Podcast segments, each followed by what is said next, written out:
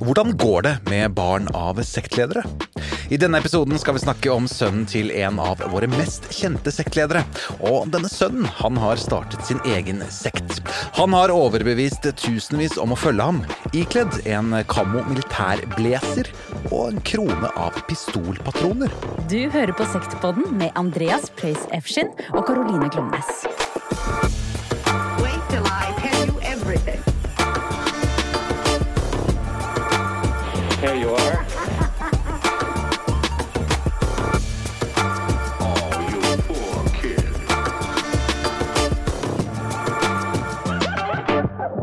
Velkommen tilbake til Sektpodden. Takk. Du har fått deg en ny hobby, Karoline, og har vel begynt å fokusere på et enda smalere område innenfor Sekter. Ja, faktisk. Om det er mulig, da. Ja, jeg, jeg, jeg har det. Jeg har begynt å eh, prøve å finne ut liksom hvordan det går med disse sektbarna. Ja.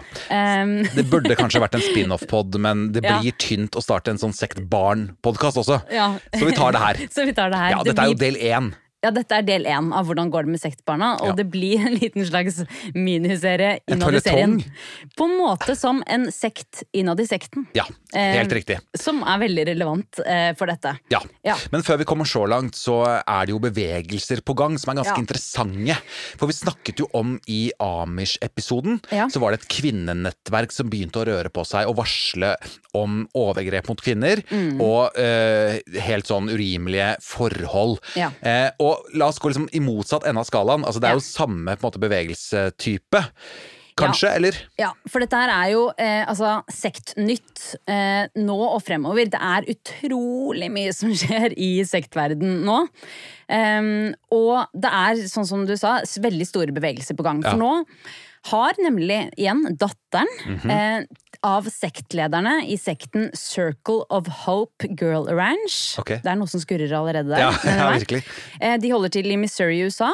Hun har nå klart å avsløre hva foreldrene hennes driver med. Mhm. Hun og andre ofre i saken ble ikke hørt av lokale myndigheter, og det var først da hun begynte å bruke TikTok Ja, endelig. at hun endelig ble hørt. Endelig så har det nådd TikTok også. Ja, det er veldig fint, og noen bruker dette her eh, til noe positivt. Ja. Sånn, det er mange som bruker, de fleste bruker det til noe positivt, men at hun kan komme ut med sånne budskap. Mm. Eh, for nå er rett og slett foreldrene hennes de eh, er fengslet. De venter på rettssaken, eh, der det er over 100 anklager eh, mot dem. Mm. Og vi skal, ja, eh, Jeg må ikke snakke for mye om dette Nei. her, for jeg kan fort bare snakke meg eh, inn i dette nå. Ja, for jeg synes det er så utrolig at- spennende. Ja. Eh, Men dette blir neste episode. Ja, Det blir del to på en måte Ja. av miniføljetongen vår. Ja, det blir det. For hun er jo også da datter av sektledere. Ja. Men, Men i la oss, dag- Ja, I dag, Ja. Andreas, i dag så skal vi snakke om et annet, annet barn eh, av en sektleder, eh, som også bruker sosiale medier til å nå frem med, med sitt budskap. Eh, men hans budskap er dog eh, noe ganske annet. La Sean få presentere seg selv, syns jeg. My name is Hyungjin Sean Moon, known as also Pastor Sean, or known as also Second King. My father is the Reverend Sun Myung Moon, who believe is the Lord of Second Advent, and he has created a kingship line, of which I am his appointed heir and successor. Ja, jeg syns som sagt at dette her er veldig spennende. Um, og i forrige episode eh, så snakket vi om sekten Moonies, eller Family Federation of World Peace and Unification, eh, som den også blir kalt. Eh, og lederen der, Sun Young Moon. Og Moonies-imperiet, det er altså billionklasse-business, finansiert av følgerne som tror at Moon er Messias, og at Moon og kona hans Han er menneskehetens sanne foreldre. Eh, og så vil jeg si at hvis du ikke har hørt eh, forrige episode om Moonies, så vil du få en bedre forståelse av denne sekten hvis du eh, hører den først, den episoden først. Men vi setter i gang. For i eh, 2012 så ble lederen Moon syk og døde. Han døde 92 år gammel. Og allerede da så hadde det begynt å danne seg små grupperinger innad i sekten. Men etter Moon sin død så skulle det da vise seg å bli enda større splittelser og maktkamp enn kanskje noen klarte å se for seg. For etter dødsfallet i 2012 så fortsetter moren, Han, The True Mother, som dere ble kjent med i forrige episode, hun eh, fortsetter sånn som hun har gjort. Hun, eh, hun holdt et massebryllup der hun viet eh, 3005. Eh, det var kun et par, altså 3005 par. Eh, og det var kun noen måneder etter, og trodde at dette skulle gå fint. Men yngstesønnen Shan Um, han var ikke like enig i dette. For han hevder at under en seremoni i 2008 så overførte faren sin makt til sønnen. Og med dette så eh, betyr det altså at det er Shan som skal overta tronen i Dette er- denne sekten. Dette er jo sektverdens sunni og shia, på en måte. Altså Sunni-muslimer og shia-muslimer. Ja. Det var litt den samme konflikten da etter at Mohammed eh, gikk bort. Ja, det er veldig sant. Um, og enken Han, da. eh, hun sier da at Uh, nei, nei, min sønn, eh, du er min sønn. Eh, jeg vet ikke om hun sa akkurat dette. Nei, nei, du, for du var ikke der. Jeg merket at jeg levde meg litt på mye da. Ja, ja. Jeg vet ikke om hun sa akkurat det, men hun mener i hvert fall at um, Moon har fortalt henne at det er hun som skal være leder Mm. når, den dagen han går bort. Så altså, før vi går inn i denne maktkampen um, om sekten, så skal vi prøve å bli litt bedre kjent med Shan. Fordi eh, Moon og Han, eh, de sanne foreldrene, de fikk eh, Eller Moon fikk totalt 16 barn. Ja, skal jeg ta alle, eller? Det Ikke ta alle, Andreas. Nei, okay, ok, greit. Ikke ta alle. Em, men det var, jeg tror det var 14 som Moon og Han fikk sammen, da. Ja, for første var vel i 1960, og siste i 1982. Ja, nettopp. Ja, 22 år med barn, Ja. småbarn. Ja. Og Hyung Jin Shan Moon, han ble født 26. september 1979. Mm. 1979. Og han ble født i New York. Og Jean vokste da opp som yngstemann i en veldig stor søskenflokk. Eh, Og som barn av en vellykket sektleder så eh, vokste han jo opp i ekstrem rikdom. En av søstrene hans, eh, Jeon Jin Cat Moon, hun var med i et reality-program i USA eh, i 2006 eh, som het Survival of the Richest. Ja. Eh, og der ble hun rett og slett presentert med en formue på, på 989 millioner dollar. Altså over tre milliarder kroner. Og la oss bare huske, Andreas, at hun var ikke enebarn. Nei, nei, nei. Og dette, dette, dette reality-konseptet har jo gått meg hus forbi. Ja. Altså, jeg har ikke sett noe på det, eller noen ting, så jeg måtte jo bare sjekke opp litt hva det var for noe. Ja, ja. Og konseptet var jo den at liksom det var typ sånn sju veldig, veldig rike arvinger, Ja. og så var det sju fattige ja. barn som var med på dette her, som alle hadde sånn her sånn 25 000 dollar i, i gjeld. Ja. Og så skulle man da, jeg tror de para opp, virker det som, en rik med en fattig. Ja. Og så skulle de gjennomføre ulike oppgaver, sånn rydde forskjellige steder og Nettopp. Og det var ganske sånn ekstremt eh, en ekstrem start. Altså disse rike ungdommene, de var jo vant til å ha tjenere, og ikke vant til å gjøre noe, eh, noe noen gang som de ikke måtte, på en måte. Um, og da de rike eh, kom, så setter de seg ved bordet, og så kommer de fattige, da er de kledd som, eh, som tjenere. Er Så de, ja, så de rike barna tror bare automatisk at dette er er tjenerne våre, eller hva sier man tjenere? Hjelperne? Jeg vet ikke. Ja, ja. ja. eh, tjenerne våre, da. Men så får de da beskjed om at nei, dette her, disse er også med i dette reality-programmet, og dere skal bo på rom Ja, to og to. altså det er jo et vinnerkonsept her. ja, ja, absolutt. Jeg vet ikke hvorfor, jeg tror ikke det gikk så mange sesonger. Nei, én, tror jeg. Ja, ikke sant? Ja. ikke sant? Nei, men tross denne rikdommen, Mm. Så så visstnok barna eh, veldig, veldig lite til foreldrene sine, og eh, det virker ikke som om de hadde det så veldig bra, eh, disse her. Eh, som barn så snakket Chan heller ikke samme språk som faren. Nei, for faren snakket koreansk, Ja, og Sean eh, amerikansk, selvfølgelig. Ja. Mm. Nå snakker han også koreansk, eh, da.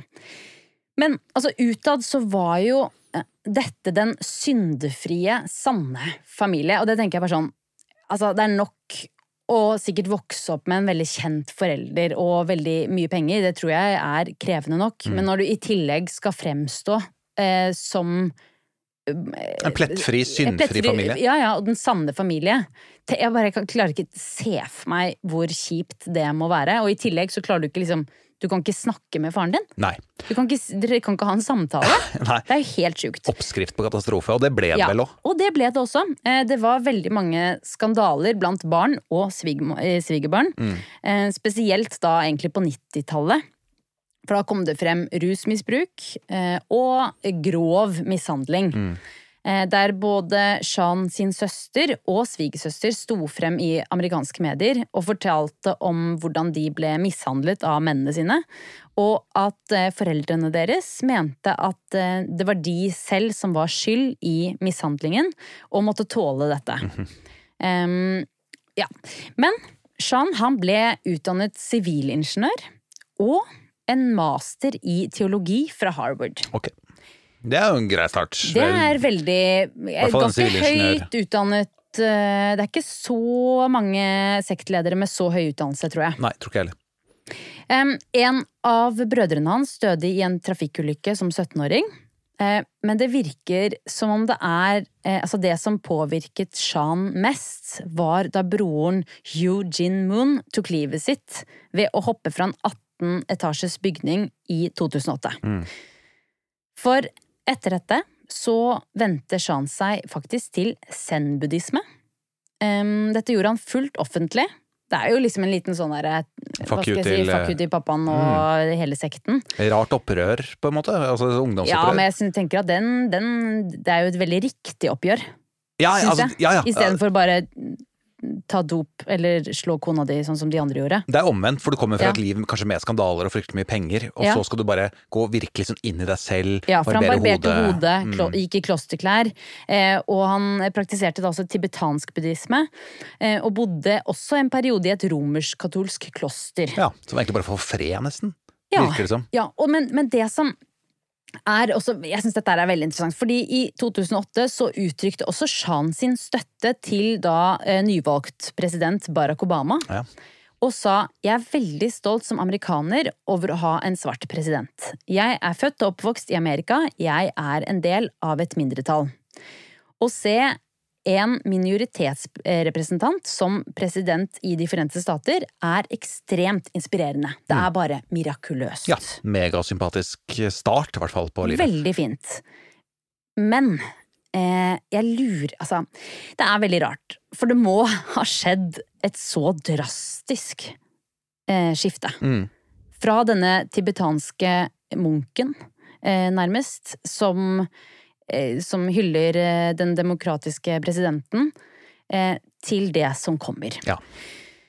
Um, og altså istedenfor altså jeg- Man ville jo kanskje tenkt at faren hadde tatt avstand fra sjahen, eh, siden han gikk til en helt annen religion. Um, og gjorde alt dette veldig offentlig. Eh, men istedenfor eh, så eh, tok rett og slett eh, Moon, faren, og ga masse ansvar Mm. til Jean Smart. i kirken. Mm. Ja, det var kanskje Jean. Og som jeg nevnte innledningsvis òg, det var nettopp i 2008 at Moen angivelig holdt en seremoni der han faktisk overførte sin messiasmakt til Jean. Mm. Som moren ikke fikk med seg. Hun, hun var ikke der. Hun var jo til stede der, men hun bare mener at det var en liten misforståelse der. Ja. Men denne altså, seremonien er det ganske sikkert at har skjedd. Okay, ja. Men at det betydde at Jean skulle overta tronen, det var- er de ikke enige om. Nei, diffus kommunikasjon. Ja, veldig, men det er ikke Ja, ikke sant? Det tror jeg kanskje går litt igjen her, hvis man ikke snakker helt samme språk. Ja. Så er det jo vanskelig. Um, altså, det kan jo hende at det bare var uh, taktikk. Jeg mistenker kanskje det, eh, for å få Shan mer investert i sekten og vekk fra buddhisme. Em, og hvis det var det som var planen til gamle Moon, så funka det. Det må man kunne si. For Shan ble det barnet som var mest involvert i den, i den religiøse delen av denne sekten. De aller fleste barna er ganske involvert i sekten, men det er jo ekstreme pengesummer som skal um, forvaltes og sånn. Men Shan har da hele tiden vært veldig involvert i liksom det religiøse eh, ved sekten. Eh, holdt egne prekener under seremonier og sånn. Ja. Og etter da faren døde, så tar det ikke lang tid, eh, som jeg nevnte, at altså, før det blir en ordentlig maktkamp mellom mor og sønn. Mm. Shan anklager da moren for sitat 'adding elements of Satan to the Må church'. du ikke gjøre. Ja. Ganske drøyt, spør Ja. meg, eh, å si det um, i et intervju. Og han hadde da flere svertekampanjer mot moren. Mm. Um, broren hans, Justin, em, han tar Shan sin side, um, og kaller moren også for horen av Babylon. hoi, hoi, hoi. Ja. Og i en Q&A med medlemmer i 20, eh, 2006, nei, 2016, beklager, så fikk Shan spørsmål vedrørende moren sin posisjon, da. Em, og da svarte han at hvis en dronning prøver å ta tronen fra en konge, er det kongen sitt ansvar å få henne arrestert og henrettet. Det er noe veldig Shakespeare over dette her, føler jeg. På en måte. Altså, det er sånn Ja, jeg tror faktisk dette her er hentet fra eh, at det er et slags bibelvers, Ja. eller fra boken The Book of eh, Revelation. At han på en måte siterte um, dette som svar på spørsmålet. Ja, altså Book of Revelation. Altså, det er Johannes' åpenbaring, det på Ja, norsk. den skal vi snakke, snakke mer om etterpå. Men altså, til tross for at moren blir behandlet på denne måten av sine egne sønner, da, så klarer gamle Han, moren, hun klarer å vinne tronen Mm. eh, over den opprinnelige sekten. Og Shan, han bestemmer seg for å starte sin egen sekt. Yes. Og han da verver Moonies-medlemmer over til sin kirke. Mm. Og eh, når jeg sier at han har startet sin egen sekt, det er det han har gjort. Men det er ikke helt sånn Shan ser det. For han mener nemlig at det er han som har den sanne Mooney-kirken etter faren. Ja. Um, og etter hans ønske at, at det er Shan som er den sanne prinsen. Um, og, at og at selve Mooney-sekten er helt på avveie nå etter farens død. Ja. Uh, Shan kaller seg um, The Second King, eller Pastor Shan. Og kirken han eh, startet, den eh, heter World Peace and Unification Sanctuary Church. Han er veldig glad i lange titler, Ja. akkurat som faren sin. Ja, ja. Eh, Den blir også kalt bare Sanctuary Church, eller Rod of Iron Ministers. Veldig Game of Thrones, det siste der. Enig. Enig. Er det også bibelsk? Det er så bibelsk, Ja, og det er det det, skal jeg også komme veldig okay, tilbake til. kult, bra. Fordi først så tenker man bare sånn Hvorfor Altså, det var, det var 16 barn. Ikke alle som levde. Det var eh, 14 som levde. Ja, En ble vel eh, også gift etter sin død. Ja, det var det ene av barna. Eh, han som døde i bilulykken. Um, men hvorfor da? Av de 14 gjenværende barna var det akkurat Shan i denne søskenflokken som gikk videre og startet sin egen sekt. Ja. Det er jo veldig interessant. Ville det ikke liksom vært naturlig at det var den eldste som skulle ta over tronen? Nei, Andreas. Nei. Nei, nei, nei. For hva er det vi har lært i sektverden? At det alltid er den yngste. Ja, eller Som- de yngre. Yngre, Det må ikke være den helt Nei, yngste. yngste, men yngre, men det er alltid, altså i større søskenflokker det er, jeg, jeg, jeg må være forsiktig med å si prosentene, men av de sektene vi har tatt for oss, Mm. så er de aldri eldste. Nei. Det er de yngre. Er det fordi de eldste er liksom tettere på galskapen på en eller annen måte? Altså ser det, Har lettere for å se Ja, men Det er bare sånn generelt de som starter sekter, ikke barna sektledere. Nei, nei, det vet jeg. ja.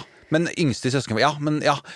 Jeg tror at det handler Er om at de ikke har blitt sett. Ja. Ja, det, ja, det er At, de, det. at de kanskje ikke har fått den respekten. Ja, Det kan være en enkel psykologisk forklaring på Ja, det. det er veldig Men det havner i vår hovedtaksoppgave, for han var jo ja. Eh, Han var jo yngst. Ja, og hvor gammel? Og, og, og. Det var jo bare ett av barna som i denne søskenflokken som var i en veldig spesiell alder idet faren døde. Ja. Fordi Shan var 32 år gammel. Yes. Ja. Der har vi nok materiale til en hovedfagsoppgave, tror jeg. Det Altså, må eh, vi ha. Ja, det må vi ha. Jeg har lyst til å kalle min noe sånt som er jeg tror jeg er inne på noe. Jeg starter en sekk når jeg blir 32. Altså, Ja. jeg bare, ja, det var fint. ja, en tittel på det. Ja. Um, ja. Og Shan flytter med familien sin til Pennsylvania.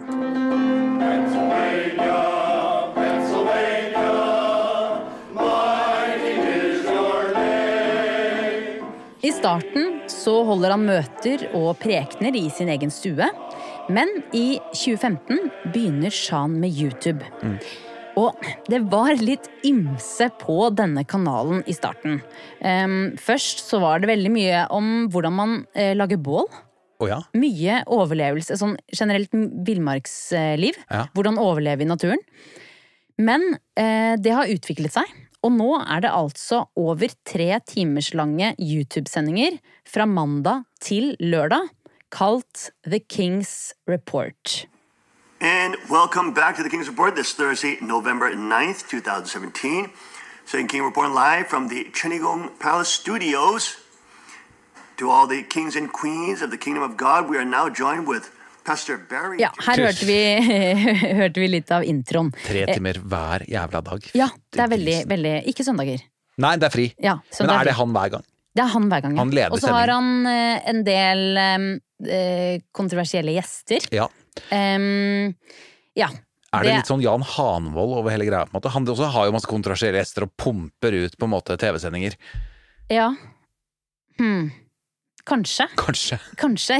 Altså, det er vanskelig, jeg syns det er vanskelig å sammenligne Shan Ja. med noen. Um, jeg, jeg klarer faktisk Altså, han er en um, original. Det må man kunne si. Ja. Eh, altså, under disse sendingene em, så har han på seg en krone som er laget av pistolpatroner. Og en kammo militærblazer med ofte matchende slips. Ja. Det er et syn å se han.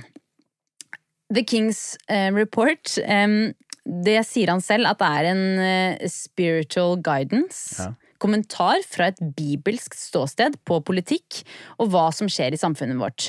Vi må huske på at eh, Shan er ekstremt bibelkunnig, sier man det? Bibel, han har en enorm Kunnskap ja, kunnskap. Han har jo studert teologi og dette Ja, her. ja. Um, og veldig god uh, på Bibelen Mm. um, og hellige skrifter. Men uh, Shan han formidler et uh, veldig Trump-loving budskap, um, og mange kaller han og denne sekten hans for høyreekstrem. Eh, til tross for at det også da finnes veldig mange etnisiteter i eh, gruppa. Ja, og det er, og det er, det er helt Det ønsker de. Det er World Peace. Det er World Peace. Dette. Ja, og Moonies er jo veldig opptatt av å forene forskjellige etnisiteter. Ja. Og gifte Ja, du skulle forskjellige pare og styre og ordne ja, det. ja.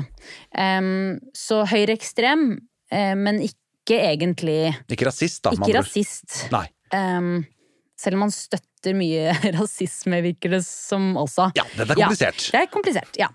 La oss se litt på um, Shan sin lære. Altså, læren er mye av det samme som Moonies-læren, eller Unification Church eh, sin lære, eh, som dere hørte om i forrige episode. Og logoen deres er faktisk bare Unification-logoen, men med pistoler istedenfor. Ja, Ja. nettopp. Og slagordet deres er Love God, love your neighbor. Ja. Mm. Kjapp eh, du, Jeg bare kom på en ting. Jeg er veldig glad i flagg. Ja. Apropos pistoler eh, Ja. som symboler. For det er eh, to land i verden som har flagg med skytevåpen i. Oi. Det er en quiz til alle lyttere egentlig også. Ja. Eh, vet du hva vi snakker om da? Altså hvilke flagg vi skal fram til? Nei. Nei, det er ikke så rart. Fordi det er Mosambik Ja, som har en AK-47 i flagget sitt. Okay. Det er det minst sympatiske flagget der ute. Og så er det Guatemala som har to rifler som står opp mot hverandre. Ja.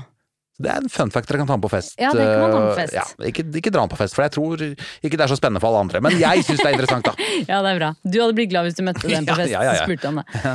Um, og- men jeg syns også at eh, Jeg har bare tenkt på en ting, uh, og det er at jeg syns vi må ha en liten sånn missekonkurranse blant sektlederne våre. Oh. Kanskje mot slutten av denne sesongen. Fordi altså, antrekkene her, Ja. det er Det er så spesielt. ja, vi må rangere på en eller annen måte, kanskje. Ja, vi, For- får, vi, vi rangerer. Ja, for Ja. jeg, for jeg har jo én favoritt eh, nå, Ja. Og det er jo hvis vi husker tilbake til sesong én, Ja. så snakket vi om eh, eh, noe som het eh, Nuvobian Nation. Husker du det? Det var liksom sånne, en sånn blanding av islam og noe Ja. gammelt som faraolære og sånn. Og det var det sånn her hvor fostrene bodde i, i kloakken og sånne ting. Ja. Og der har jo de sånn sånn faraokostyme. En sånn rasistisk faraokostyme. Det er liksom øverst på lista mi. Det er din øverste. Men det her er jo helt vanvittig bra. For dette dette bra. her er øverst eh, hos meg, og så er Helge Fossmo nederst. Det er bare det sånn jeg kan si. Ja, det kan jeg se for meg. Ja. Ja, det er nederst, da. Jeg tenker på den der når han er på sånn norgesferie. Ja, det er det Sokker i sandalene. Ja, Ja, det er stort den. Det er det Jeg tror Helge Fossmo fortsatt har det. Det tror jeg også. Um, ja. Altså, Sean bruker boken The Book of Revelation. Altså, dette her, Den har jeg eh, hengt meg opp i litt også, fordi det er jo en bok som kommer igjen og igjen i mange sekter. Mm, ja. Og um, altså, den blir jo også kalt for apokalypsen til Johannes. Mm. Fordi det er veldig mye Altså det er beskrivelser av den siste tiden og dommedag. Ja. Grusomme beskrivelser av helvete og hva som skjer med de som havner der. Men i Jehovas vitne bruker de den der. Ja, ja absolutt. Eh, Og jeg, det er det kanskje den boka jeg husker best fra Ja. det, altså den bibellæren vi hadde der, da. Ja. Altså det er jo noe helt annet enn Ruths bok, for eksempel. For dette her er jo action. Ja. Det skjer jo så mye i den boka. Ja. Mm. Og det jeg husker best derfra, det er jo det jeg tror jeg snakka om før en gang også, men det er jo disse fire rytterne. Som det skal liksom ankomme jorda. Hvor det er en som representerer død, og det er, sånn, det er en svart, en rød, en hvit og en som er sånn øh, øh, bleik, tror jeg det er som er greia. Altså pale. Ja. Eh, og det husker jeg det bildet av disse rytterne, hvor en er et sånn skjelett med en sånn, sånn der vekt og noe greier. Ja. Det har brent seg fast i mitt uh, lille barnesinn. Altså, for Ja. det var skremmende greier. Så jeg, jeg forstår at det på en måte er en bok som appellerer veldig til uh, sekter, da, som på en måte ser mot en dommedag, som ser mot en ny verden. Ja, vil vekke litt reaksjon kanskje også? Ja, Det er den mest eh, ekstreme boka i, i min uh, Ja. Mener jeg, da. Ja.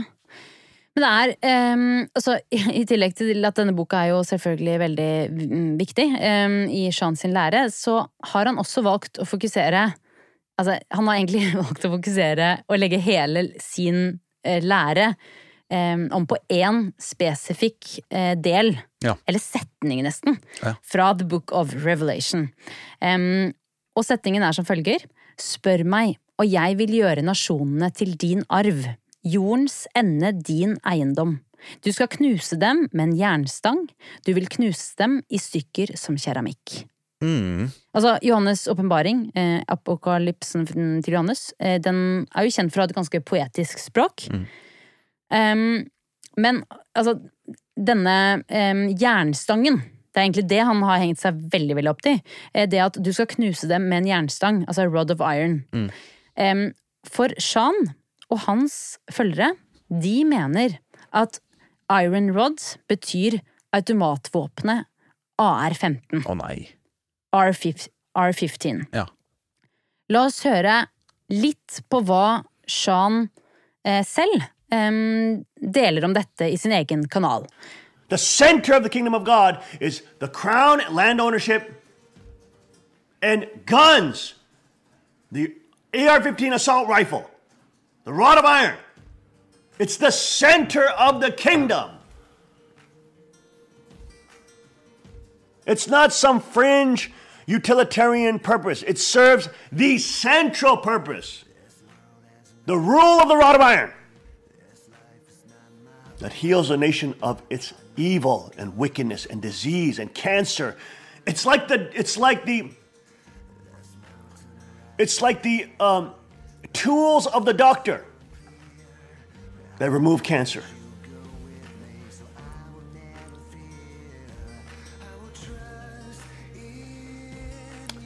And this is what Christians they don't they don't understand. They don't understand.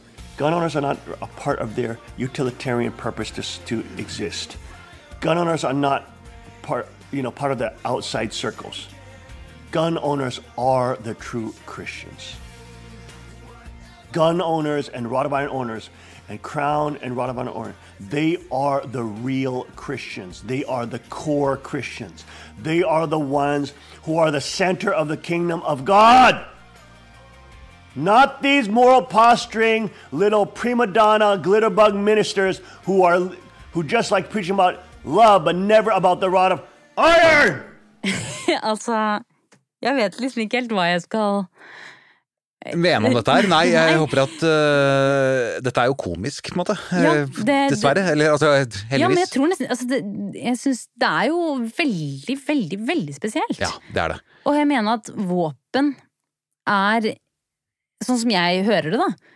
Altså, våpenet R15 er kjernen i, I hele troen, i hele troen. Ja, ja. Men det er, jo et ganske sånn grusomt våpen. Eller det er mye Ja. brukt, er det ikke det? Det er dessverre mye brukt. Det er det mest brukte våpenet i skoleskytinger i USA. Ja. Um, og beleilig nok så er R15 også det som broren Justin um, produserer og selger. Men vet du da om altså, Hva kom først her? Høna eller egget? Altså, er det Justins business som har gjort at uh, AR-15 er liksom det riktige våpenet? Eller Ja. er det omvendt? At Justin har begynt å produsere fordi Nettopp høna eller egget, det, det kom sammen. Ja, de gjorde- de gjorde det. eh, tror jeg. Ja, for det er beleilig. Um, ja, det er veldig beleilig. Um, og eh, altså det, den, den produksjonen har jo eh, han, den holder jo også, De holder jo til i samme område her. Mm. Um, og den produksjonen heter Car. Å ja, ok. Ja. Litt snikreklam snikreklame for Car her. Hvis Ja, skal... Nei, a meg, det vil jeg Det er ikke spons på noen Nei, ikke, Nei, nei, ikke nei. Ikke spons. Um, men altså, dette her uh, har jo vakt ekstremt store reaksjoner i USA. Eh, spesielt, ja. Um, uh, for kirken de hadde nemlig en sjokkerende sånn hyllestseremoni til R15. Ja. Eh, og dette var veldig kort tid etter skoleskytingen i eh, Parkland, Florida, der jeg tror det var 17 elever som mistet livet. Ja. Men, så, men altså, Sean da, han hevder at den hyllesten til R15 den hadde ikke noe med skoleskytingen å gjøre, og den var faktisk planlagt seks måneder eh, tidligere. Men så bestemte de seg jo da allikevel for å gjennomføre det. Nettopp. Så det er kanskje det som er problemet. Det er lov å improvisere litt og være litt fleksibel her og gjøre om planene, men det kan ha vært et ordentlig sånn et arrangement som er vanskelig å flytte på. Sånn, det kan ha vært mange Nei, som har leid inn. Jeg har sett bilder. det altså, man kan se hele arrangementet. Ja, ja, ja. Ja, ja, det er, eller highlights fra arrangementet. Ja. Det er jo veldig, veldig eh, spesielt. Men hva Eh, gjør de for noe? For det er interessant. Eh, de eh, Altså, det var jo også at Shan og kona hans eh, De skulle fornye sine ekteskapsløfter. Eh, og hadde noen sånn gullforgylte R15. Mm. Og alle i salen eh, sitter med kroner. Jeg, jeg, må, jeg, må, jeg skal snakke mer om dette her, men eh, kroner og sin egen R15, da. Dette er jo griseharry, bare så det er sagt. Om det er harry, ja. Å, det er så harry det, det, er, det, er, det, er, er voldsomt. Men jeg skulle sendt et bilde av meg, eh, ikke av meg, bi- bi- bilde til meg Ja. av denne det figuren her. Ja. Og det er jo, altså, se for dere en turkmensk diktator. Altså, det er, det er Ja. på det estetiske nivået, da. Ja, det er det. Um, og det er på en måte uten ironisk distanse, tror jeg. Det er det verste. Det er jo det. Ja, det er jo det. Um, men altså, eh, da de holdt denne, denne hyllesten, så var det det var ikke mange, vet du. Det var det som var litt, var litt fælt. Ja. Eh, Men det var et titalls folk da, i området eh, som protesterte utenfor kirken med eh, slagordet, veldig fint slagord syns jeg, 'Pickles for peace'. Hva betyr det? Det betyr at de hadde, de hadde tegnet pickles, altså Ja, sylteagurk. Oh, ja. Eh, og så det er jo et, altså, Sånn som jeg tror de mener det, da, er bare at han sier at han har en RR15 eh, for fred. Ja. Og det gir ikke mening. Nei. Men man må heller ha en pickle for fred. Som gir mening. Holder du en sylteagurk? Ja, da kan du ikke ramme noen med Nei, den. da mener du faktisk fred. Hvis Nettopp. du holder et automatvåpen, Ja. så mener du ikke fred. Jeg skjønte ikke det. Nei. Men nå skjønner jeg det. Ja. For da, hvis du klasker noen med en pickle, den ryker jo med en gang. Blir ikke noe bråk av det. Nei, det blir ikke noe bråk. okay. Litt, man blir kanskje litt sur Ja. noen klasker en pickle på deg. Nei, det, det, det er det rart. jeg synes de var de har sett, eh, Vi kan legge ut bilde av dem òg. Ja, det, var- det. var fint. Det var, jeg synes det- var vakkert. Um, men vi skal høre bitte litt her om hva Shan eh, svarte da han ble konfrontert med R15-hyllesten etter eh, skoleskytingen. Eh, dette er fra et intervju i programmet Vice. I mean, if you really love your neighbor, you love love the people that are there in the public schools teaching, and the kids that are there going to school. I mean, you have to do what needs to be done to protect them. You know, the Air-15 gets like this focus uh, and this sort of uh, bad rap, but uh, it, what if those people in the in the class could shoot back at the person at the at the bad guy? The Bible is very clear in showing that Christ requires us to be, for example, judges over the nation, judges of the wicked, to rule with a rod of iron. People in the kingdom have some roles and responsibilities. They're not like drinking pina colada on a beach or playing harps. Ja, eh, som de som ikke har skjønt det nå, så er altså dette her en veldig eh, en pro-våpensekt. Ja. Hvis du ikke har vært helt overbevist ennå. um, og det er, som jeg nevnte også, fullt lovlig å, å bære synlig våpen i kirken. Um, I tillegg til å bære våpen, så har altså alle gifte medlemmer også på seg eh, kroner på de ukentlige seremoniene eller møtene eller gudstjenestene, eller hva du vil Ah, kalle det. ja. Eh, og her er det et spekter av kroner. Eh, vi legger ut bilde. Ja. Så det er jo alt fra eh, hjemmelagde kroner laget av patroner, som veldig sånn lik den som Shan har, til på noen sånn eh, plastikk eh, prinsessetiara-lignende kjøpt i en lekebutikk. Men, men, Så du kan velge selv, tror jeg, da. Men kan man, altså, går alle kroner? Altså, kunne du hatt en sånn, ball, sånn ballongkrone? Sånn Det, ja, altså, eller sånn bursdagskrone, sånn, sånn glitrete syvtall på som barnehagen har lagd? Kan man, ja, men helt jeg seriøst. tror det. Jeg tror det. Altså, bare det er krone, det. så er det Ja. greit? Okay. Altså, disse kronene, de, Grunnen til at de bærer kroner, da, det er for å uh, vise deres tro Ja. på at hver mann og kvinne er arvinger og herskere av Guds rike. Så kronene de eh, symboliserer eh, altså også at de er konger og dronninger. For han sier jo hele tiden king, eh, kings and queens. Han kaller følgerne sine kings and queens. Det gir jo en godfølelse, det. Ja, ja, ja, Hvis noen smart. hver eneste hver eneste uke kaller deg for dronning. Du, altså, nå, nå innser jeg altså, jeg har brukt eh, mye av barndommen min på hver insekt. Ja. Som er så kjedelig sammenlignet med alle andre sekter. Hvis jeg kunne Ja. gått med en ballong Nei, det kunne jeg ikke, for jeg hadde ikke vært gift, da. Men Nei. likevel vært omgitt av folk med hjemmelagde kroner av patronhylster og sånn. Det er jo mye morsommere. Ja, det er det, det Jeg er, føler meg snytt, ass. Ja, jeg skjønner, jeg skjønner, Andreas. Du får skrive, skrive til Jehovas vitne. Ja, det skal jeg gjøre. Ja. Um, altså, de, ehm, det, men det, for det er nettopp det med at du må være gift, for disse arrangerer også um, massebryllup. Ja, det er Men klart. ikke, det er ikke i den skalaen som uh, Han, The True Mother, uh, gjør. For hun gjør jo fortsatt dette, senest uh, nå i april, tror jeg. Um, og, men det gjør de ikke. Men de, de vier også folk, og da er det foreldrene som velger partner til barna. Ja. Og det er som sagt verst når du er gift, at du får lov til å bære krone. da. ja, ikke Ja, sant? og jeg har sett intervjuer med de som liksom ja, hvordan er det å bære krone? De bare nei, det var litt sånn uvant i starten, og da var det kanskje litt flaut og sånn, men nå er det stas. Da er det stas, ja. ja. Ja, at de, de fleste har liksom vent seg veldig til det, da. Så det er nesten deres gifteringer, på en måte? Eh, de har gifteringer også. Det er det også, Ja da. Du får alt her. Ja bøtter og spann. Både krone og ring og Og ikke minst, um, man er jo også da oppfordret til å ha med seg sin Rod of Iron eller R15 um, under vielsen. Mm. Så de blir viet uh, mens de står og holder på eh, dette Både mann og kvinne? Våpenet. Ja, Ja, både ok. mann og kvinne. Ja. Um, for de mener at de, som del av Guds rike, eller Guds nasjon, som de også kaller seg, de forplikter seg da til å eh, ansvarsfullt, vil jeg merke, okay. lære seg å bruke firearms. Ja. Øh, hvordan er det i bryllupsfestene? Ja, men Er det, Det sånn skyting i tak og Nei, nei, nei. Nei, for det, det er ansvarsfullt, Det er, da. det er ansvarsfullt. Eh, Eller sånn, jeg har ikke sett dette, men eh, de har jo skytetreninger og sånn. Mm. Men det, er, det er jo det er ingen som skyter i, inne i kirken og sånn. Nei, det er bra. Eh, Enn så lenge. Eh, og vi får bare håpe at det Når sønnen da til Shan Ja, ja, lager en ny retning, da kan det fort bli sånn, Ja, føler jeg. da, det kan skje.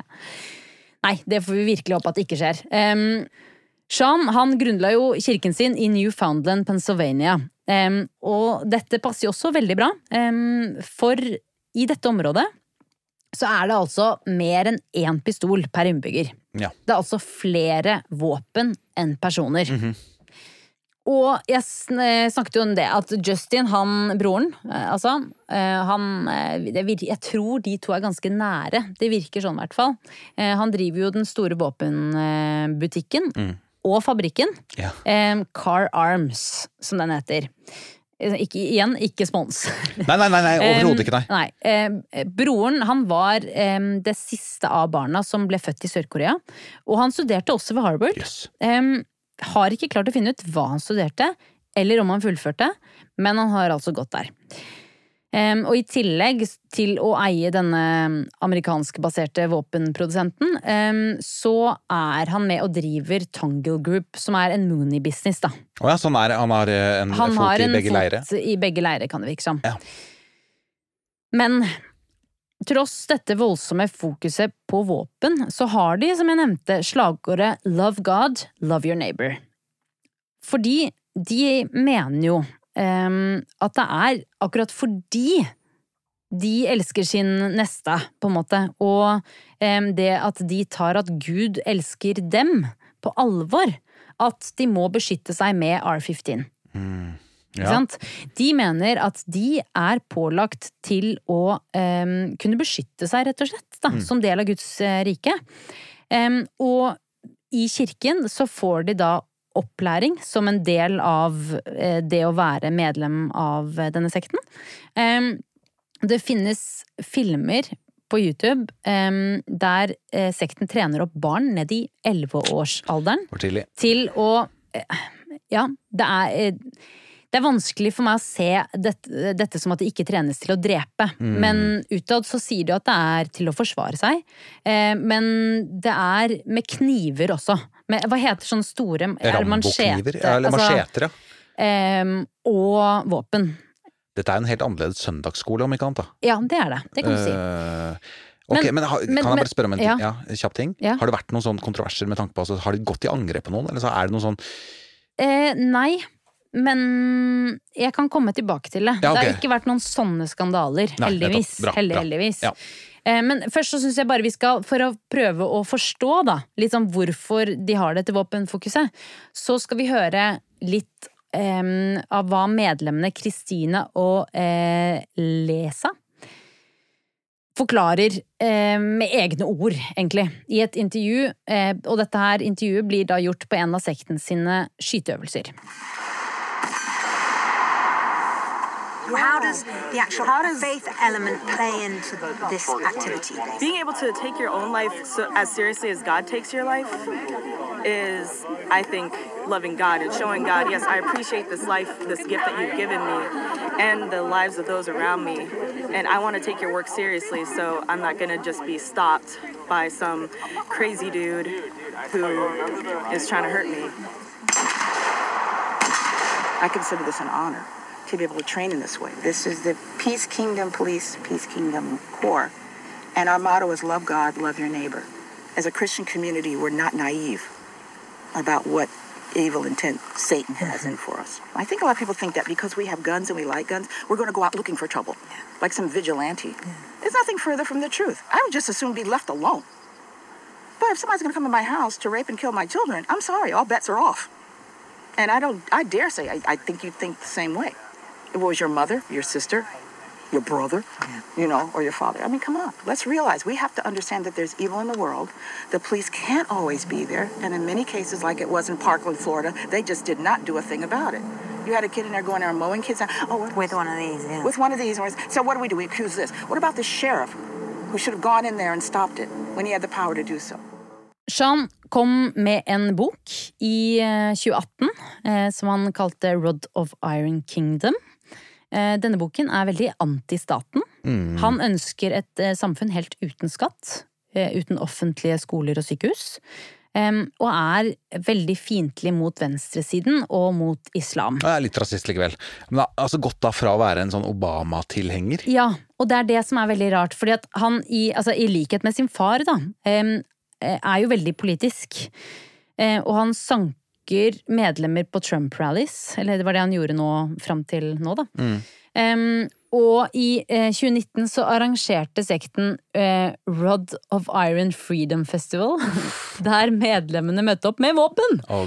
Og magacaps. Oh, um, og denne festivalen for frihet og fred, um, så arrangerte de også skytetrening. Eh, og vi skal høre også litt om um, Sean sine tanker om Trump i et intervju fra 2019. I think President Trump is doing many uh,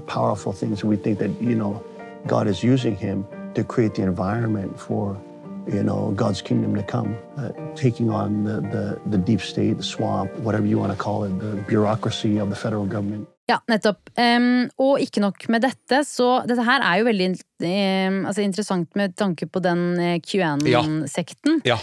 Em, for i en livestream fra november 2020 uh, så advarte Sean følgerne sine om at de måtte være forberedt til å ta til våpen og dø for president Donald Trump. ja, Så bare til det du sa, da, med at Ja. det har ikke vært situasjoner enda. der noen har gjort eh, sjuke kriminelle handlinger, eh, og forhåpentligvis så vil ikke det skje heller. Nei.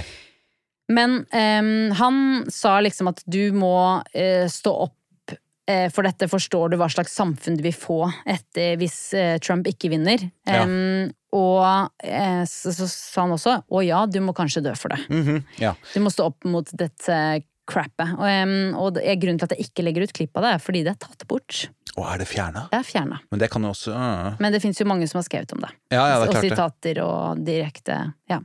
Ja, ikke sant. Så de Mm. ser på Trump som en slags frelser på en eller annen måte. Nei, kanskje ikke, ikke, på samme samme måte som. QAnon. Men Nei, altså, er ikke sånn, på samme måte som han er kanskje der, et men- redskap for å skape den verden de Ja, det er jo nettopp det han sa. de At, uh, de, at eh, Trump er Og det, akkurat det kan jeg kanskje være litt enig i, at han er på en måte en eh, Altså et eh, symbol for at endetiden er nær. Ja. Jeg, jeg, jeg kan forstå det han mener. Altså, nå vet ikke jeg akkurat hvordan han mener det, men jeg får også den følelsen når jeg ser Trump. Ja. på en måte. Det som er litt synd her, da, er jo Mm. at uh, Shan ikke var til stede, som jeg vet om, da, Mm. på den stormingen av uh, The Capital. Ja.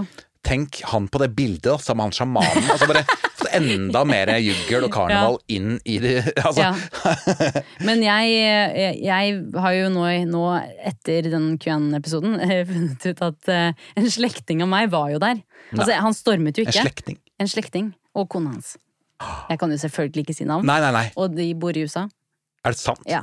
Men, ja, så de sto utenfor der? Og, De hadde møtt opp, ja, for å støtte. Ja. Kjørt mange, mange mil Oh, for å støtte. Ja, det er ganske spesielt. Men, men uh, har du, du har ikke snakka med dem? Ikke om dette, nei. Nei, ok.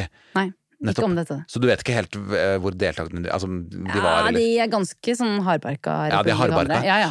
ja, ja. Du, altså den familien Voldsomt. din er jo full av Ja, av overraskelser. Det er så mye sånn, ja! ja. Det, sånn, ja. det er langt uti, da, men allikevel. Jo, jo. Em, altså, kona til Sean heter uh, Yeon A. Lee Moon. Uh, og hun er helt nydelig. Oi. Andreas, hun er så nydelig. Uh, Som, som i vakker? Liksom. Nei, men, ja, men altså, i- ikke bare vakker. Altså, hun er uh, da altså, Hun og Sean de holder prekener og gudstjenester sammen. Ja. Hun har en bakgrunn fordi Jeg vet ikke om begge foreldrene hennes, men hun er i hvert fall prestedatter. da. Ja. Og altså, i intervjuer med henne så virker hun altså så rolig og harmonisk. Mm. Og det ser ut som hun bare sånn spiser sunt og gjør yoga. Hvis du skjønner hva jeg mener. Sånn, hun Ja. ser så sunn ut. Jeg sjekker henne nå. Ja. Det ser jo ut som en som kunne vært sånn talsperson for FHI. Skjønner du? Altså Ja. sånn der, Kunne stått på Eller noe sånn hudpleieklinikk eller noe sånt. Altså, Ja, jeg hadde kjøpt det, ja. alle produkter av henne. Ja, mm. Eh, og det er litt interessant, fordi eh, altså de, nettopp det med at de fremstår så utrolig De, de fremstår så harmoniske og fine sammen, da. Mm. Eh, jeg kan egentlig forstå veldig godt at det er lett å bli fengslet av dette paret. For man glemmer nesten når hun snakker at Men du snakker jo om at vi skal skyte Altså trene opp elleveåringer til å drepe. Mm. Men så sier hun det på liksom en så eh, veldig sånn harmonisk og fin måte at man tror at eh, det er noe godt i bunn. Og for alt vi vet, så er det jo noe godt i bunn. At de mener godt med denne skytetreningen. Ja.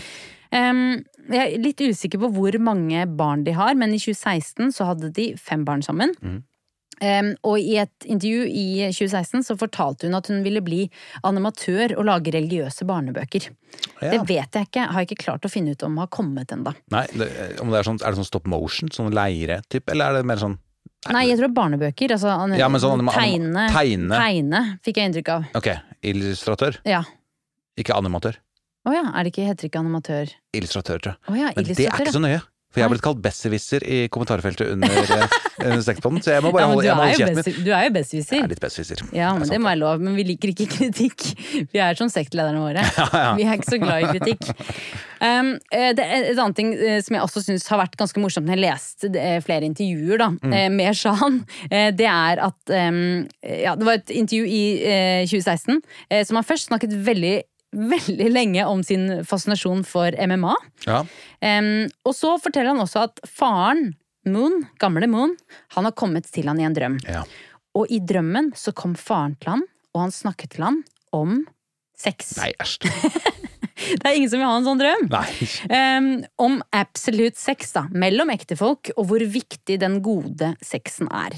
Sean uh, forteller da i intervjuet uh, også um, nå- sier, sier han Når jeg tenker på far, nei, nei, nei. spesielt i løpet av hans siste år, så husker jeg at han snakket nesten uavbrutt om sex. Nei, nei, nei.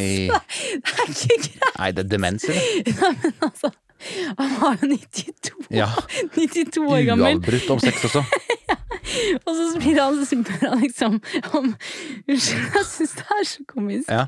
Eh, men, men han, altså faren Gamle Moon har jo blitt anklaget for sexseremonier Ja. og masse altså, overgrep da han eh, altså, i, i ung alder, da. Um, og at han på en måte outer faren. At han til og med drømmer at faren Asj, kommer er tilbake og så snakker til ham om sex. Ja. Um, men da stiller intervjuet spørsmål sånn Mener du at uh, din far snakket om den seksuelle handlingen? Og så sier han ja, han snakket veldig mye om seksuelle organer. Ja. Uh, Altså, altså han fortsetter å si far snakket slik hele tiden. Selvfølgelig uten skam. Mhm. Det er jo veldig fint.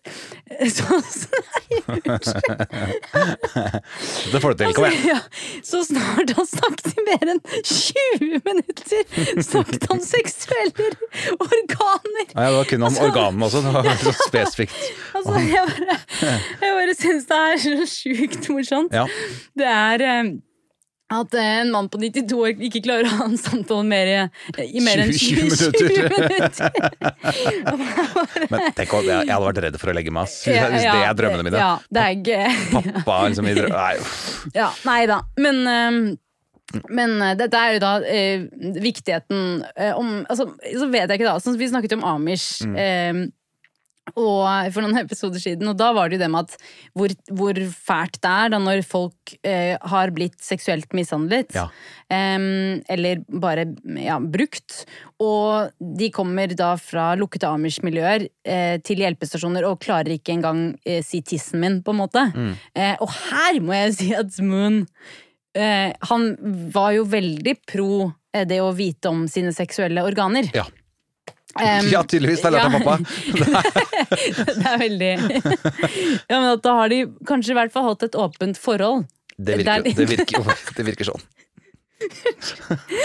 Um, uh, altså, han bare ja, han snakker jo også Jeg skal ikke gå for mye inn i alt dette, men hele resten av intervjuet handler jo bare om eh, dette med sex, egentlig. Um, og også at um, veldig mange samfunn eh, demonifiserer kvinner. Ja. Eh, så at de blir sett på som Altså deres seksualitet blir sett på som eh, eh, Annenrangs, som eller, Fra eh, Satan, på ja, en måte. da ja. Rett og slett. At det er fristerinner og eh, fælt. Mm. Og det er ondskap, og det er jo veldig fint eh, å sprekke hull på den byllen. Um, eh, men videre så eh, fortsetter han em, Jeg skal prøve å lese dette. at det er derfor den sanne mor Da tror jeg han refererer til ikke sin egen mor, fordi hun er jo nå horen av Babylon, Ja. men eh, til sin kone. Det er derfor det den sanne mor gjør, er å gjenopprette den hellige skjeden. Der det blir det som far kaller det kongelige palasset. Og det er jakten på Gud. Å forfølge ektefellen sin seksualitet er å forfølge Gud. Så det fører ikke til demonifisering av skjeden eller klitoris, eller noen av de andre kvinners seksuelle organ. Det blir helliggjørelsen og skjønnheten. Det er den sanne moren som gjør dette eh, hjertelig og teologisk. At hun gjenoppretter skjedens hellighet. Det er så viktig. Ja. Ok, jeg klarte nesten. ja, det var nesten. Ja. Men dette er det vanskeligste du har gjort på en stund, Ja, tror jeg. altså jeg føler sånn der jordbærmus og Aune Sand, er det ikke han også som Jo. Ja, ikke sant? Eh, De kan bare gå og legge seg. Ja, det- det- altså, eh, Sean, eh, pastor Sean, han, han har det i språket sitt, altså. Han har poesi i språket sitt. Ja. Jeg syns det er litt krøkkete, det er litt vanskelig forklart. Det kongelige palasset. Jeg, jeg blir ikke tent av det, for å si det sånn. Du blir ikke kong- Nei, jeg blitt mer En tent av littatur jordbærmus. innom det kongelige palasset. Det kan man ikke si, for det, da forsvinner all lyst. Nei, vi skal ha uh, fort, eh, avslutte med et veldig alvorstunget uh, lite klipp. Rod of iron in the hands of uh, the courtiers of Christ has tremendous power to even take down nations. I think that the very hard left that pushes, you know, gun control and confiscation of AR-15s, I mean, I think they know the power of that rifle in the hands of 100 million people. it's, it's, it's quite a force Right, right. to deal with. Ja, nettopp. De får makt ved å være bevæpnet. Eh, denne sekten skremmer meg.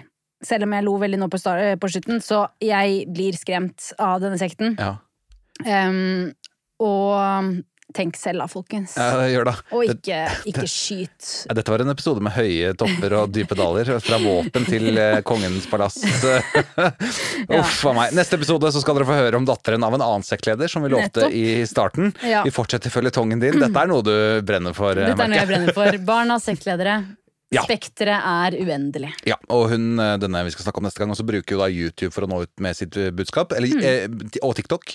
Og TikTok. ja. Og TikTok, eh, og har da klart å avsløre foreldrenes sekt. Og, og, og det har blitt over 100 anmeldelser av disse foreldrene. Det er en sjuk historie. Den får dere neste uke. Ja. Fram til da, Vadim Parche pace, vi høres.